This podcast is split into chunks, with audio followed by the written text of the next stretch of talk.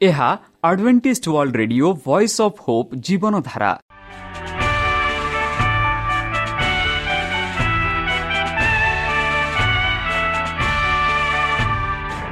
Odia radio କାର୍ଯ୍ୟକ୍ରମ ଯାହା ଆମର ଆନ୍ତର୍ଜାତୀୟ ଆଘାତ କେନ୍ଦ୍ରରୁ ପ୍ରସାରଣ କରାଯାଉଛି ପ୍ରତିଦିନ ରାତି ନଅଟା ତିରିଶ ମିନିଟ୍ରେ।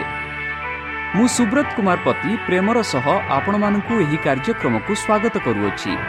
ଚାଲନ୍ତୁ ଆଜିର ତିରିଶ ମିନିଟ୍ର କାର୍ଯ୍ୟକ୍ରମ ବିଷୟରେ ଜାଣିନେବା। ପ୍ରଥମେ ରଖିଛୁ ଆଧ୍ୟାତ୍ମିକ ଭକ୍ତିମୟ ଗୀତ। ଏହାପରେ ଶୁଣିବା ସ୍ୱାସ୍ଥ୍ୟ ବିଷୟରେ ଯାହା ଆମର ଦୈନିକ ଜୀବନରେ ଅତ୍ୟନ୍ତ ଜରୁରୀ। ଆଉ ପରିଶେଷରେ ଶୁଣିବା ପରମେଶ୍ୱରଙ୍କ ଭକ୍ତଙ୍କଠାରୁ ଜୀବନଦାୟକ ଈଶ୍ୱରଙ୍କ ବାକ୍ୟ। ପ୍ରିୟ ଶ୍ରୋତା ତାହେଲେ ଚାଲନ୍ତୁ ଶୁଣିବା ଏକ ଆଧ୍ୟାତ୍ମିକ ଭକ୍ତିମୟ ଗୀତ।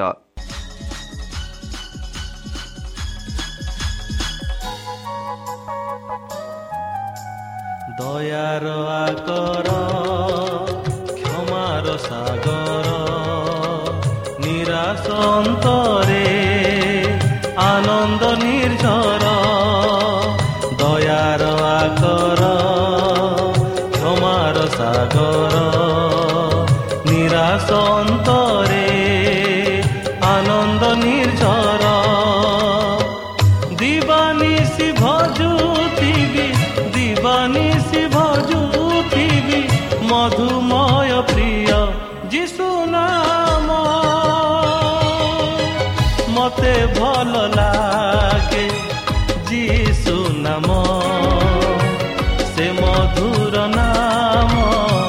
Days.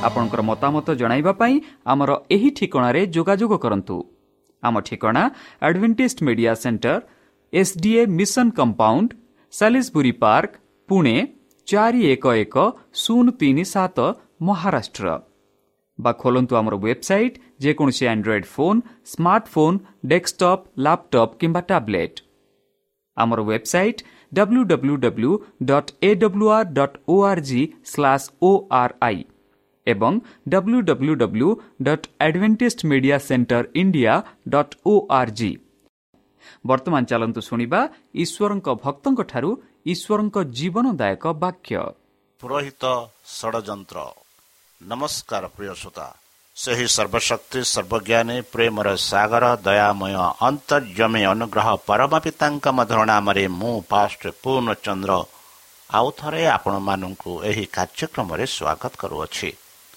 ପ୍ରିୟ ଶ୍ରୋତା ସେହି ସର୍ବଶକ୍ତି ପରମେଶ୍ୱର ଆପଣମାନଙ୍କୁ ଆଶୀର୍ବାଦ କରନ୍ତୁ। ଆପଣଙ୍କୁ ସମସ୍ତ ପ୍ରକାର ଦୁଃଖ କଷ୍ଟ ବାଧା କ୍ଲେଶ ଓ ରୋଗରୁ ଦୂରେଇ ରଖୁ। ବିଶେଷ ଭାବରେ ବର୍ତ୍ତମାନ ଯେଉଁ କରୋନା ମହାମାରୀ ସାରା ପୃଥିବୀକୁ ଆପଣା ପ୍ରଭାବ ଦେଖାଉଅଛି ସେହି ପ୍ରଭାବରୁ ସେହି ପରମେଶ୍ୱର ଆପଣମାନଙ୍କୁ ସୁରକ୍ଷାରେ ରଖନ୍ତୁ। ତାହାଙ୍କ ପ୍ରେମ ତାହାଙ୍କ ସ୍ନେହ ତାହାଙ୍କ କୃପା ତାହାଙ୍କ ଅନୁଗ୍ରହ ସଦାସର୍ବଦା ଆପଣଙ୍କଠାରେ ସହବର୍ତ୍ତୀ ରହୁ। ପ୍ରିୟ ସତା ଚାଲନ୍ତୁ। ଆଜି ଆମ୍ଭେମାନେ କିଛି ସମୟ ପବିତ୍ର ଶାସ୍ତ୍ର ବାଇବଲଠୁ ତାହାଙ୍କ ଜୀବନଦାୟକ ବାକ୍ୟ ଧ୍ୟାନ କରିବା। ଆଜିର ଆଲୋଚନା ହେଉଛି ପୁରୋହିତ ଷଡ଼ଯନ୍ତ୍ର। ବନ୍ଧୁ ବେଥେନିଆ ଜେରୁସାଲମ ନିକଟରେ ଏତେ ଥିଲା ଯେ ଲାଜାରସଙ୍କ ଉଦ୍ଧାନ ଖବର ଶୀଘ୍ର ସହରକୁ ନିଆଗଲା। ଗୁପ୍ତଚରମାନଙ୍କ ମାଧ୍ୟମରେ କେଉଁମାନେ ଚମତ୍କାରର ସାକ୍ଷୀ ହୋଇଥିଲେ ଜିହୁଦୀ ଶାସକମାନେ ଶୀଘ୍ର ତଥ୍ୟ ହାସଲ କରିଥିଲେ। କାରଣ କ'ଣ କରାଯିବ ଉଚିତ ତାହା ସ୍ଥିର କରିବାକୁ ସଙ୍ଗେ ସଙ୍ଗେ ଏକ ବୈଠକ ଡକାଗଲା ଖ୍ରୀଷ୍ଟ ବର୍ତ୍ତମାନ ମୃତ୍ୟୁ ଓ କବର ଉପରେ ନିଜର ନିୟନ୍ତ୍ରଣକୁ ସମ୍ପୂର୍ଣ୍ଣ ରୂପେ ପ୍ରକାଶ କରିଛନ୍ତି। ସେହି ଶକ୍ତିଶାଳୀ ଚମତ୍କାର ହେଉଛି ଈଶ୍ୱରଙ୍କ ଦ୍ୱାରା ମନୁଷ୍ୟମାନଙ୍କୁ ପ୍ରଦାନ କରାଯାଉଥିବା ମୁକୁଟ ପ୍ରମାଣ ଯେ ସେ ସେମାନଙ୍କ ପରିତ୍ରାଣ ପାଇଁ ନିଜ ପୁତ୍ରଙ୍କୁ ଜଗତକୁ ପଠାଇଥିଲେ। ଏହା ଈଶ୍ୱରୀୟ ଶକ୍ତିର ଏକ ପ୍ରଦର୍ଶନ ଥିଲା ଯାହା ପ୍ରତ୍ୟେକ ମନକୁ ମନାଇବା ପାଇଁ ଯଥେଷ୍ଟ ଥିଲା ଯାହା ଜ୍ଞାନ ଏବଂ ଜ୍ଞାନ ପ୍ରାପ୍ତ ବିବେକ ଅଧୀନରେ ଥିଲା। ଯେଉଁମାନେ ଲାଜାରସଙ୍କ ପୁନରୁତ୍ଥାନ ସାକ୍ଷୀ ଥିଲେ ସେମାନେ ଯୀଶୁଙ୍କ ଉପରେ ବିଶ୍ୱାସ କରିବାକୁ ଆଗେଇ ଆସିଲେ। କିନ୍ତୁ ତାଙ୍କ ବିରୁଦ୍ଧରେ ଯାଜକମାନଙ୍କ ଘୃଣା ବଢ଼ିଗଲା। ସେମାନେ ତାଙ୍କର ଈଶ୍ୱରଙ୍କ ସମସ୍ତ ଛୋଟ ପ୍ରମାଣକୁ ପ୍ରତ୍ୟାଖ୍ୟାନ କରିଥିଲେ ଏବଂ ସେମାନେ କେବଳ ଏହି ନୂତନ ଚମତ୍କାରରେ କ୍ରୋଧିତ ହେଲେ। ମୃତ୍ୟୁମାନେ ଦିନର ଆଲୋକରେ ଏବଂ ସାକ୍ଷୀଙ୍କ ଭିଡ଼ ଆଗରେ ପୁନରୁତ୍ଥିତ ହୋଇଥିଲେ। କୌଣସି କାଲକୃତ୍ୟ ଏପରି ପ୍ରମାଣକୁ ବ୍ୟାଖ୍ୟା କରିବ କରିପାରିବ ନାହିଁ। ଏହି କାରଣରୁ ଯାଜକମାନଙ୍କର ଶତ୍ରୁତା ଘାତକ ହେଲା। ସେମାନେ ଖ୍ରୀଷ୍ଟଙ୍କ କାର୍ଯ୍ୟକୁ ବନ୍ଦ କରିବାକୁ ପୂର୍ବ ଅପେକ୍ଷା ଅଧିକ ସଂକଳ୍ପବଦ୍ଧ ଥିଲେ। ବନ୍ଧୁ ସାଧୁକୀମାନେ ଜିହୁଦୀ ଖ୍ରୀଷ୍ଟଙ୍କ ପାଇଁ ଅନୁକୂଳ ନଥିଲେ। ଫାରୁସୀମାନଙ୍କ ପରି ତାଙ୍କ ପ୍ରତି ଏତେ ଖରାପ ବ୍ୟବହାର କରି ନଥିଲେ। ସେମାନଙ୍କର ଘୃଣା ଏତେ ତିକ୍ତ ନଥିଲା କିନ୍ତୁ ସେମାନେ ବର୍ତ୍ତମାନ ଭୟଭୀତ ହୋଇ ପଡ଼ିଥିଲେ। ସେମାନେ କରିନାହାନ୍ତି। ମୃତ୍ୟୁମାନଙ୍କର ପୁନରୁତ୍ଥାନରେ ବିଶ୍ୱାସ କରେ। ତଥା କର୍ତ୍ତିବ ବିଜ୍ଞାନ ଉତ୍ପାଦନ କରି ସେମାନେ ଭାବିଥିଲେ ଯେ ଏକ ମୃତ୍ୟୁ ଶରୀରକୁ ଜୀବନ୍ତ କରିବା ଏକ ଅସମ୍ଭବତା। କିନ୍ତୁ ଖ୍ରୀଷ୍ଟଙ୍କଠାରୁ କିଛି ବାକ୍ୟ ଦ୍ୱାରା ସେମାନଙ୍କ ସିଦ୍ଧାନ୍ତ ଧ୍ୱଂସ ହୋଇଯାଇଥିଲା ସେମାନେ ଉଭୟ ଶାସ୍ତ୍ର ଏବଂ ଈଶ୍ୱରଙ୍କ ଶକ୍ତି ବିଷୟରେ ଅଜ୍ଞ ବୋଲି ଦର୍ଶାଇଥିଲେ। ଚମତ୍କାର ଦ୍ୱାରା ଲୋକଙ୍କ ଉପରେ ହୋଇଥିବା ଭାବନାକୁ ହଟାଇବାର କୌଣସି ସମ୍ଭାବନା ସେମାନେ ଦେଖିପାରିଲେ ନାହିଁ। ମନୁଷ୍ୟମାନେ ତାଙ୍କ ମୃତ୍ୟୁ କବରକୁ ଲୁଟିବାରେ ବିଜୟୀ ହୋଇଥିବା ବ୍ୟକ୍ତିଙ୍କ ଠାରୁ କିପରି ଦୂରେଇ ଯାଇପାରିବେ ମିଥ୍ୟା ରିପୋର୍ଟ ପ୍ରଚାର କରାଯାଇଥିଲା କିନ୍ତୁ ଚମତ୍କାର ଅସ୍ୱୀକାର କରାଯାଇପାରିବ ନାହିଁ। ଏବଂ ଏହାର ପ୍ରଭାବକୁ କିପରି ପ୍ରତିରୋଧ କରାଯିବ ତାହା ସେମାନେ ଜାଣିନଥିଲେ। ବର୍ତ୍ତମାନ ପର୍ଯ୍ୟନ୍ତ ସାଧୁକୀମାନେ ଖ୍ରୀଷ୍ଟଙ୍କ ହତ୍ୟା କରିବାର ଯୋଜନାକୁ ଉତ୍ସାହିତ କରିନଥିଲେ କିନ୍ତୁ ଲାଜାରଜଙ୍କ ପୁନରୁତ୍ଥାନ ପରେ ସେମାନେ ସ୍ଥିର କଲେ ଯେ କେବଳ ତାଙ୍କ ମୃତ୍ୟୁ ଦ୍ୱାରା ସେମାନଙ୍କ ବିରୁଦ୍ଧରେ ତାଙ୍କ ନିର୍ଭକ ନିନ୍ଦା ବନ୍ଦ ହୋଇପାରିବ ପାରୁସୀମାନେ ପୁନରୁତ୍ଥାନରେ ବିଶ୍ୱାସ କଲେ ଏବଂ ସେମାନେ ଦେଖିପାରିଲେ ନାହିଁ ଯେ ଏହି ଚମତ୍କାର ଏକ ପ୍ରମାଣ ଯେ ଖ୍ରୀଷ୍ଟ ସେମାନଙ୍କ ମଧ୍ୟରେ ଥିଲେ କିନ୍ତୁ ସେମାନେ ଖ୍ରୀଷ୍ଟଙ୍କ କାର୍ଯ୍ୟକୁ କେବେ ବିରୋଧ କରିନଥିଲେ ପ୍ରଥମରୁ ସେମାନେ ତାଙ୍କୁ ଘୃଣା କରୁଥିଲେ କାରଣ ସେ ସେମାନଙ୍କ କପଟି ଛଳନାକୁ ପ୍ରକାଶ କରୁଥିଲେ। ସେ କୋଠର ରୀତିନୀତିର ପୋଷାକକୁ ଚିରିଦେଲେ ଯେଉଁଥିରେ ସେମାନଙ୍କ ନୈତିକ ବିକୃତି ଲୁଚି ରହିଥିଲା। ସେ ଯେଉଁ ଶୁଦ୍ଧ ଧର୍ମ ଶିକ୍ଷା ଦେଇଥିଲେ ସେମାନେ ସେମାନଙ୍କ ଧାର୍ମିକ ଧର୍ମକୁ ନିନ୍ଦା କରିଥିଲେ। ତାଙ୍କର ନିର୍ଦ୍ଦିଷ୍ଟ ଭର୍ଜନା ପାଇଁ ସେମାନେ ତାଙ୍କଠାରୁ ପ୍ରତିଶୋଧ ନେବାକୁ ଶୋଷିଲା। ସେମାନେ ତାଙ୍କୁ କହିବାକୁ କିମ୍ବା କିଛି କରିବାକୁ ତାଙ୍କୁ ଉତ୍ତେଜିତ କରିବାକୁ ଚେଷ୍ଟା କରିଥିଲେ ଯାହା ତାଙ୍କୁ ନିନ୍ଦା କରିବାକୁ କରିବାର ସୁଯୋଗ ହେବ। ଅନେକ ଥର ସେମାନେ ତାଙ୍କୁ ପଥର ମାରିବାକୁ ଚେଷ୍ଟା କରିଥିଲେ କିନ୍ତୁ ସେ ଚୁପଚାପ ପ୍ରତ୍ୟାହାର କରି ନେଇଥିଲେ ଏବଂ ସେମାନେ ତାହାଙ୍କୁ ଦେଖିନଥିଲେ ବିଶ୍ରାମ ବାରରେ ସେ କହିଥିବା ଚମତ୍କାର ସବୁ ଦେଖି ଦୁଃଖୀ ଲୋକମାନଙ୍କ ମୁକ୍ତି ପାଇଁ ଥିଲା। କିନ୍ତୁ ଫାରୁସୀମାନେ ତାଙ୍କୁ ବିଶ୍ରାମ ବାରର ଭାବରେ ନିନ୍ଦା କରିବାକୁ ଚେଷ୍ଟା କରିଥିଲେ। ସେମାନେ ହେରୋଦିଓମାନଙ୍କୁ ତାଙ୍କ ବିରୁଦ୍ଧରେ ଉଠାଇବାକୁ ଚେଷ୍ଟା କରିଥିଲେ। ସେମାନେ ପ୍ରତିବାଦିତ କରିଥିଲେ ଯେ ସେ ଏକ ପ୍ରତିଦ୍ୱନ୍ଦ୍ୱୀ ରାଜ୍ୟ ସ୍ଥାପନ କରିବାକୁ ଚାହୁଁଛନ୍ତି ଏବଂ ତାଙ୍କୁ କିପରି ବିନାଶ କରିବେ ସେମାନଙ୍କ ସହିତ ପରାମର୍ଶ କରିଥିଲେ। ତାଙ୍କ ବିରୋଧରେ ରବିମାନଙ୍କୁ ଉତ୍ସାହିତ କରିବା ପାଇଁ ସେମାନେ ତାଙ୍କ ଅଧିକାରକୁ ବଦଳାଇବାକୁ ଚେଷ୍ଟା କରୁଥିବା ପରେ ତାଙ୍କୁ ପ୍ରତିନିଧିତ୍ୱ କରିଥିଲେ। ସେମାନେ ଲୋକମାନଙ୍କୁ ପ୍ରଭାବିତ ନ କରିବା ପାଇଁ ପ୍ରତ୍ୟେକ ବାହାନା ଚେଷ୍ଟା କରିଥିଲେ। କିନ୍ତୁ ଏପର୍ଯ୍ୟନ୍ତ ସେମାନଙ୍କ ପ୍ରାୟତଃ ବିଫଳ ହୋଇଥିଲା।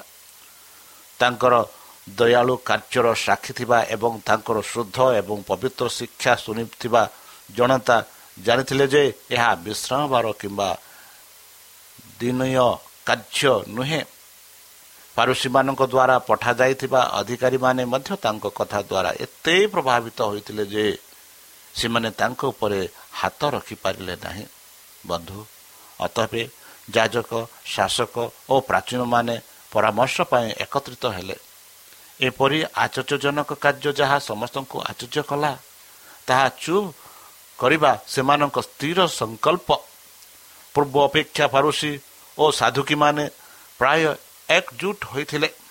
ଏପର୍ଯ୍ୟନ୍ତ ବିଭାଜିତ ହୋଇ ସେମାନଙ୍କ ଖ୍ରୀଷ୍ଟ ବିରୋଧରେ ଏକ ହୋଇଗଲେ। ନିକୋଡିମସ୍ ଏବଂ ଜୋସେଫ ପୂର୍ବ ପରିପଦରେ ଯୀଶୁଙ୍କ ନିନ୍ଦାକୁ ରଖିଥିଲେ ଏବଂ ଏହି କାରଣରୁ ସେମାନଙ୍କୁ ବର୍ତ୍ତମାନ ଡକାଯାଇ ନଥିଲା। ପରିଷଦରେ ଅନ୍ୟ ପ୍ରଭାବଶୀଳ ବ୍ୟକ୍ତିମାନେ ଉପସ୍ଥିତ ଥିଲେ। ଯେଉଁମାନେ ଯୀଶୁଙ୍କ ଉପରେ ବିଶ୍ୱାସ କରୁଥିଲେ କିନ୍ତୁ ସେମାନଙ୍କ ପ୍ରଭାବ କୁସ୍ଥିତ ଫାରୁସୀମାନଙ୍କ ବିରୁଦ୍ଧରେ କିଛି ନଥିଲା। ତଥାପି ପରିଷଦର ସଦସ୍ୟମାନେ ସମସ୍ତେ ସହମତ ହୋଇନଥିଲେ ଯାହା ସେନାଡ୍ରିନ୍ ଏହି ସମୟରେ ଏକ ଆଇନଗତ ସଭା ନଥିଲା। ଏହା କେବଳ ସହନଶୀଳତା ଦ୍ୱାରା ବିଦ୍ୟମାନ ଥିଲା। ଏହାର କିଛି ସଂଖ୍ୟା ଖ୍ରୀଷ୍ଟଙ୍କୁ ହତ୍ୟା କରିବାର ଜ୍ଞାନ ଉପରେ ପ୍ରଶ୍ନ କରିଥିଲା ସେମାନେ ଭୟ କରୁଥିଲେ ଯେ ଏହା ଲୋକମାନଙ୍କ ମଧ୍ୟରେ ଏକ ବିଦ୍ରୋହକୁ ଉତ୍ସାହିତ କରିବ ଯାହାଦ୍ୱାରା ରୋମିଓମାନେ ପୁରୋହିତତ୍ୱରୁ ଅଧିକ ଅନୁଗ୍ରହକୁ ଅଟକାଇ ପାରିବେ। ଏବଂ ସେମାନଙ୍କ ଠାରୁ ସେମାନେ ଯେଉଁ କ୍ଷମତା ରଖିଛନ୍ତି ସାଧୁକୀମାନେ ଖ୍ରୀଷ୍ଟଙ୍କ ପ୍ରତି ଘୃଣା ଭାବରେ ଏକତ୍ରିତ ହେଲେ। ତଥାପି ସେମାନେ ସେମାନଙ୍କ ଗତିବିଧିରେ ଶ୍ଵେତଚନ ହେବାକୁ ଆଗ୍ରହ ପ୍ରକାଶ କଲେ। ରୋମିଓମାନେ ସେମାନଙ୍କୁ ଉଚ୍ଚ ପଦରୁ ବଞ୍ଚିତ କରିବେ। ବନ୍ଧୁ ଖ୍ରୀଷ୍ଟଙ୍କ ମୃତ୍ୟୁ ଯୋଜନା କରିବା ପାଇଁ ଏକତ୍ରିତ ହୋଇଥିବା ଏହି ପରିଷଦ ସାକ୍ଷୀ ଉପସ୍ଥିତି ଥିଲେ ଯିଏ ନଖୁସରଙ୍କ ଅହଙ୍କାରୀ ବାକ୍ୟ ଶୁଣୁଥିଲେ ଯିଏ ବେଲା ସାଜର ମୂର୍ତ୍ତି ପୂଜା ଭୋଜିର ସାକ୍ଷୀ ଥିଲେ। ଯେତେବେଳେ ନାଜରିତରେ ଖ୍ରୀଷ୍ଟ ନିଜକୁ ଅଭିଶକ୍ତି ଘୋଷଣା କରିଥିଲେ। ଏହି ସାକ୍ଷୀ ବର୍ତ୍ତମାନ କାର୍ଯ୍ୟ କରୁଥିବା ଶାସକମାନଙ୍କୁ ପ୍ରଭାବିତ କରୁଥିଲେ। ବନ୍ଧୁ ଖ୍ରୀଷ୍ଟଙ୍କ ଜୀବନରେ ଘଟିଥିବା ଘଟଣା ଗୁଡ଼ିକ ସେମାନଙ୍କ ସମ୍ମୁଖରେ ଉଠିଥିଲା ଯାହା ସେମାନଙ୍କୁ ଭୟଭୀତ କଲା। ସେମାନେ ମନ୍ଦିରର ଦୃଶ୍ୟକୁ ମନେ ପକାଇଲେ। ଯେତେବେଳେ ବାର ବର୍ଷର ପିଲା ଯୀଶୁ ଆଇନର ଶିକ୍ଷକ ଡାକ୍ତରମାନଙ୍କ ସମ୍ମୁଖରେ ଠିଆ ହେଲେ ସେମାନଙ୍କୁ ପ୍ରଶ୍ନ ପଚାରିଥିଲେ ଯେଉଁଥିରେ ସେମାନେ ଆଚର୍ଯ୍ୟ ହୋଇଥିଲେ। ଚମତ୍କାର କେବଳ ସାକ୍ଷ୍ୟ ହେଇଥିଲା ଯେ ଯୀଶୁ ଈଶ୍ୱରଙ୍କ ପୁତ୍ର ବ୍ୟତୀତ ଆଉ କେହି ନାହିଁ। ସେମାନଙ୍କର ପ୍ରକୃତ ମହତ୍ଵରେ କୃଷ୍ଣଙ୍କ ବିଷୟରେ ପୁରାତନ ନିୟମ ଶାସ୍ତ୍ର ସେମାନଙ୍କ ମନ ଆଗରେ ଲସି ଉଠିଲା। ବିବ୍ରତ ବିବ୍ରତ ହୋଇ ଶାସକମାନେ ପଚାରିଲେ ଆମେ କ'ଣ କରିବା? ପରିଷଦରେ ଏକ ବିଭାଜନ ହୋଇଥିଲା। ପବିତ୍ର ଆତ୍ମାଙ୍କ ପ୍ରଭାବରେ ଯାଜକ ଓ ଶାସକମାନେ ଈଶ୍ୱରଙ୍କ ବିରୁଦ୍ଧରେ ଯୁଦ୍ଧ କରିଛନ୍ତି ବୋଲି ବିଶ୍ୱାସ ବଢ଼ିଛି ପରିଷଦ ବିସ୍ମରୟ ଉଚ୍ଚାତରେ ଥିବାବେଳେ ମହାଯାଜକ ଖାୟାପା ଉଠିଲେ। ଖାୟାବସ୍ ଜଣେ ଗର୍ଭୀ ଏବଂ ନିଷ୍ଠୁର ବ୍ୟକ୍ତି ଅତ୍ୟଧିକ ଭାରପ୍ରାପ୍ତ ଏବଂ ଅସହିଷ୍କୃତ ବ୍ୟକ୍ତି ଥିଲେ। ତାଙ୍କ ପାରିବାରିକର ସଂଯୋଗ ମଧ୍ୟରେ ଯାଦୁକି ଗର୍ଭୀ ସାହସୀ ବେପୁରୁଆ ଉଚ୍ଚାବିଲାସୀ ଏବଂ ନିଷ୍ଠୁରତାରେ ପରିପୂର୍ଣ୍ଣ ଥିଲେ ଯାହାକୁ ସେମାନେ ଧାର୍ମିକତାର ଲୁଗା ତଳେ ଲୁଚାଇ ରଖିଥିଲେ କାୟଫ ଭବିଷ୍ୟତବାଣୀ ଗୁଡ଼ିକ ଅଧ୍ୟୟନ କରିଥିଲେ ଏବଂ ଯଦିଓ ସେମାନଙ୍କର ପ୍ରକୃତ ଅର୍ଥ ବିଷୟରେ ଅଜ୍ଞ ଥିଲେ ତଥାପି ସେ ମହାନ କର୍ତ୍ତୃତ୍ୱ ଏବଂ ନିଷ୍ପତ୍ତତା ସହିତ କରିଥିଲେ ଆପଣ ଅଦ୍ୟ କିଛି ଜାଣୁନାହାନ୍ତି କିମ୍ବା ଭାବନ୍ତି ନାହିଁ ଯେ ଏହା ଆମ ପାଇଁ ଉତ୍ତମ ଅଟେ। ଜଣେ ଲୋକ ଲୋକଙ୍କ ପାଇଁ ମରିବା ଉଚିତ ଏବଂ ସମଗ୍ର ଦେଶ ବିନଷ୍ଟ ହୁଅ ନାହିଁ ଯଦିଓ ଯୀଶୁ ନିର୍ଦ୍ଦୋଷ ଥିଲେ ମହାଜାଜଙ୍କୁ ଅନୁରୋଧ କରିଥିଲେ ତାଙ୍କୁ ନିଶ୍ଚୟ ବାଟରୁ ବାହାର କରି ଦିଆଯାଅ ଦିଆଯିବା ଉଚିତ। ସେ ଅସୁବିଧାଜନକ ଥିଲେ ଲୋକମାନଙ୍କୁ ନିଜ ଆଡ଼କୁ ଆକର୍ଷିତ କରିଥିଲେ ଏବଂ ଶାସକମାନଙ୍କ ଅଧିକାରରୁ ହ୍ରାସ କରିଥିଲେ। ସେ କେବଳ ଜଣେ ଥିଲେ। ଶାସକମାନଙ୍କ ଅଧିକାରର ଦୁର୍ବଳ ହେବା ଅପେକ୍ଷା ସେ ମରିବା ଉଚିତ। ଯଦି ଲୋକମାନେ ସେମାନଙ୍କ ଶାସକମାନଙ୍କ ଉପରେ ଆତ୍ମବିଶ୍ୱାସ ହରାନ୍ତି ତେବେ ଜାତୀୟ ଶକ୍ତି ନଷ୍ଟ ହୋଇପାରିବ। ଖାସ ଅନୁରୋଧ କରିଛନ୍ତି ଯେ ଏହି ଚମତ୍କାର ପରେ ଯୀଶୁ ଅନୁଗାମୀମାନେ ବିଦ୍ରୋହରେ ବଢ଼ିବେ।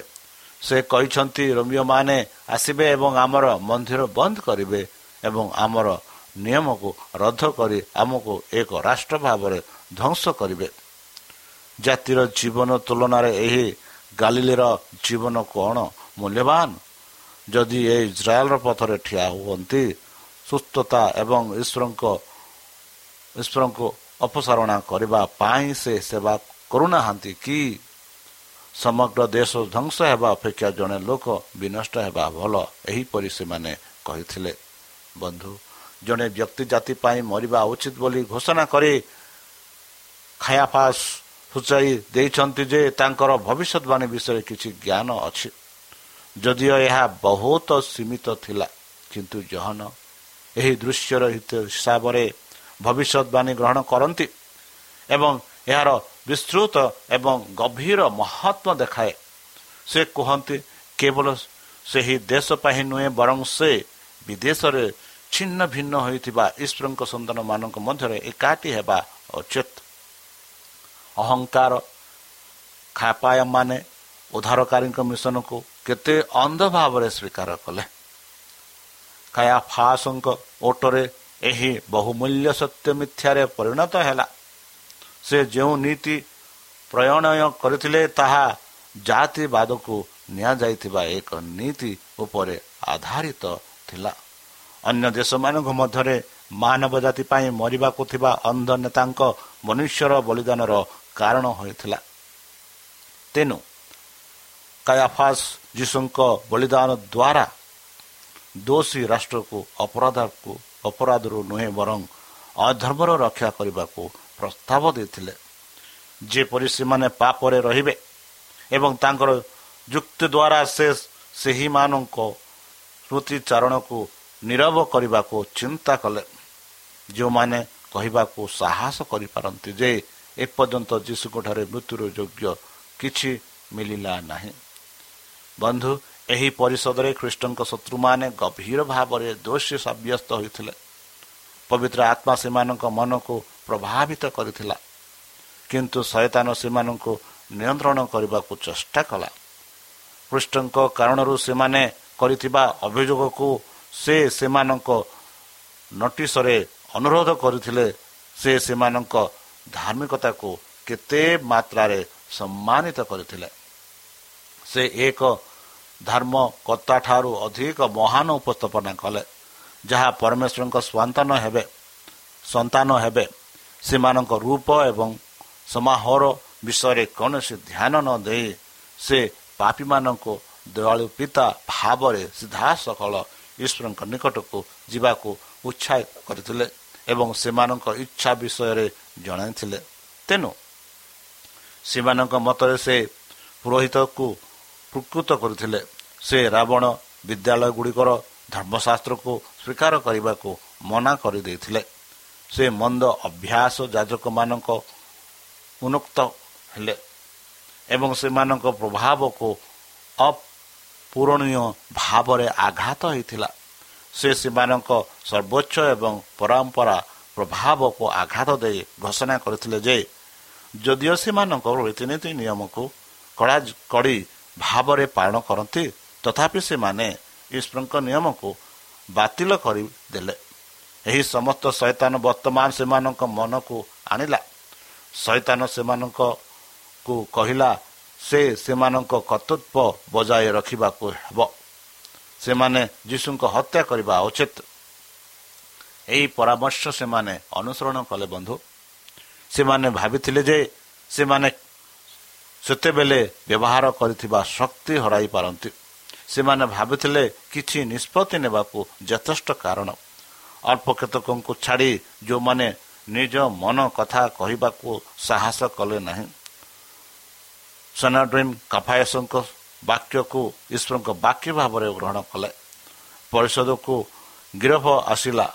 ମତଭେଦ ବନ୍ଦ ହୋଇଗଲା।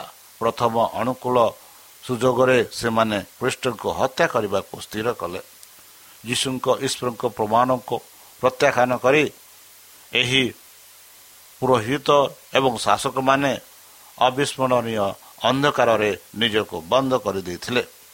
ସେମାନେ ଅନନ୍ତ ବିନାଶର ଶିକାର ହେବା ପାଇଁ ଶୀଘ୍ର ଶୀଘ୍ର ସଚେତନର ଅଧୀନରେ ଆସୁଥିଲେ। ତଥାପି ସେମାନଙ୍କର ପ୍ରତାରଣା ଥିଲା ଯେ ସେମାନେ ନିଜ ଉପରେ ସନ୍ତୁଷ୍ଟ ହେଲେ। ସେମାନେ ନିଜକୁ ଦେଶପ୍ରେମୀ ଭାରେ ଭାବରେ ଗ୍ରହଣ କରୁଥିଲେ। ଯେଉଁମାନେ ଦେଶରେ ଖୋଜୁଥିଲେ। ସେନାଡ୍ରିନ୍ ଭୟ କରୁଥିଲେ ଯେ ଯୀଶୁଙ୍କ ବିରୁଦ୍ଧରେ ତୀବ୍ର ପଦପେକ୍ଷ ନେବାକୁ ଯେପରି ଲୋକମାନେ କ୍ରୋଧିତ ନ ହୁଅନ୍ତି ଏବଂ ତାଙ୍କ ପ୍ରତି ଧ୍ୟାନ କରୁଥିବା ହିଂସା ନିଜ ଉପରେ ପଡ଼ିବ। ଏହି କାର୍ଯ୍ୟରୁ ପରିଷଦ ସେମାନେ ଘୋଷଣା କରିଥିବା ଦଣ୍ଡକୁ କାର୍ଯ୍ୟକାରୀ କରିବାରେ ବିଳମ୍ବ କରିଥିଲେ।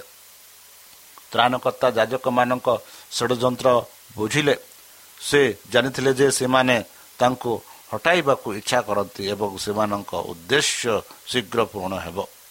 କିନ୍ତୁ ସଙ୍କଟରୁ ତ୍ୱରାନ୍ୱିତ କରିବା ତାଙ୍କ ସ୍ଥାନ ନୁହେଁ ଏବଂ ଶିଷ୍ୟମାନଙ୍କୁ ସାଙ୍ଗରେ ନେଇ ସେ ସେହି ଅଞ୍ଚଳକୁ ବିଦାୟୀ ନେଇଥିଲେ। ଏହିପରି ଭାବରେ ଯୀଶୁ ନିଜ ଶିଷ୍ୟମାନଙ୍କୁ ଶିଷ୍ୟମାନଙ୍କୁ ଦେଇଥିବା ନିର୍ଦ୍ଦେଶକୁ ପୁନର୍ବାର କାର୍ଯ୍ୟକାରୀ କଲେ। ଯେତେବେଳେ ସେମାନେ ଏହି ସହରରେ ତୁମକୁ ତାଳନା କରନ୍ତି ତୁମେ ଅନ୍ୟ ସହରକୁ ପଲାଇ ଯାଅ ସେଠାରେ ଏହି ବିପୃଷ୍ଟ କ୍ଷେତ୍ର ଥିଲା ଯେଉଁଠାରେ ଆତ୍ମାର ପରିତ୍ରାଣ କାର୍ଯ୍ୟ ପାଇଁ କରିବା ଏବଂ ଯଦି ତାଙ୍କ ପ୍ରତି ବିଶ୍ୱାସତା ଆବଶ୍ୟକ ନୁହେଁ ତେବେ ପ୍ରଭୁଙ୍କର ସେବକମାନେ ସେମାନଙ୍କ ଜୀବନକୁ ବିପଦରେ ପକାଇବେ ନାହିଁ। ତାଙ୍କ ଜୀବନ ଏକ ନିର୍ଯାତନା ଏବଂ ଅପମାନ ଥିଲା। ଯେଉଁମାନେ ଭୋକିଲା ଲୋକଙ୍କୁ ଖାଇବାକୁ ଦେଇଥିଲେ ଏବଂ ଦୁଃଖୀମାନଙ୍କୁ ସ୍ୱାନ୍ତନା ଦେଇଥିଲେ ସେ ଉଦ୍ଧାରକାରୀ ପାଇଁ ପରିଶ୍ରମ କରିଥିବା ଲୋକମାନଙ୍କ ଠାରୁ ତଳି ଦିଆଯାଇଥିଲା ଯିଏ ବିଲେଇ ଉପରେ ଚାଲୁଥିଲା ଏବଂ ଏକ ବାକ୍ୟ ଦ୍ୱାରା ସେମାନଙ୍କ କ୍ରୋଧକୁ ଗର୍ଜନ ରୂପ କରିଦେଇଥିଲେ। ବର୍ତ୍ତମାନ ସେହି ସଦାପ୍ରଭୁଙ୍କ ପରମେଶ୍ୱରଙ୍କ ବିରୁଦ୍ଧରେ ଷଡ଼ଯନ୍ତ୍ର ଚାଲିଥିଲା। ବନ୍ଧୁ ବର୍ତ୍ତମାନ ସୈତାନ ବି ତାହାଙ୍କ କାର୍ଯ୍ୟରେ ଆମମାନଙ୍କ ମନରେ ଷଡ଼ଯନ୍ତ୍ର କରନ୍ତି।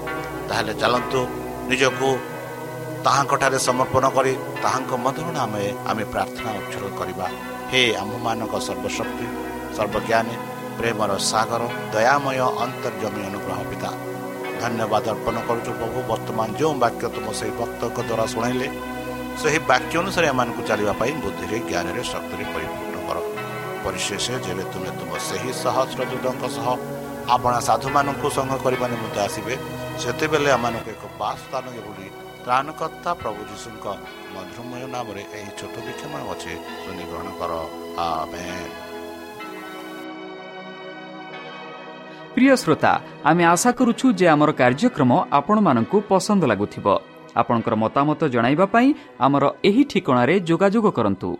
ଆମ ଠିକଣା Adventist media centre S D A mission mission compound Salisbury park Pune ଚାରି ଏକ ଏକ ଶୂନ ତିନି ସାତ ମହାରାଷ୍ଟ୍ର ବା ଖୋଲନ୍ତୁ ଆମର ୱେବସାଇଟ୍ ଯେକୌଣସି Android phone smartphone desktop laptop କିମ୍ବା ଟ୍ୟାବ୍ଲେଟ୍ ଆମର website W W W dot A W R dot O R G slash O R I ଏବଂ W W W dot Adventist media centre India dot O R G Adventist media centre ଇଣ୍ଡିଆର spelling ହେଉଛି A D V E NTIST MEDIA CENTR E INDIA अथवा download करन्तु आमर mobile आप आपनकर mobile play store कु जानतु आउ टाइप करन्तु द वॉइस अप होप आउ डाउनलोड करन्तु ईश्वर आपणको आशीर्वाद करन्तु धन्यवाद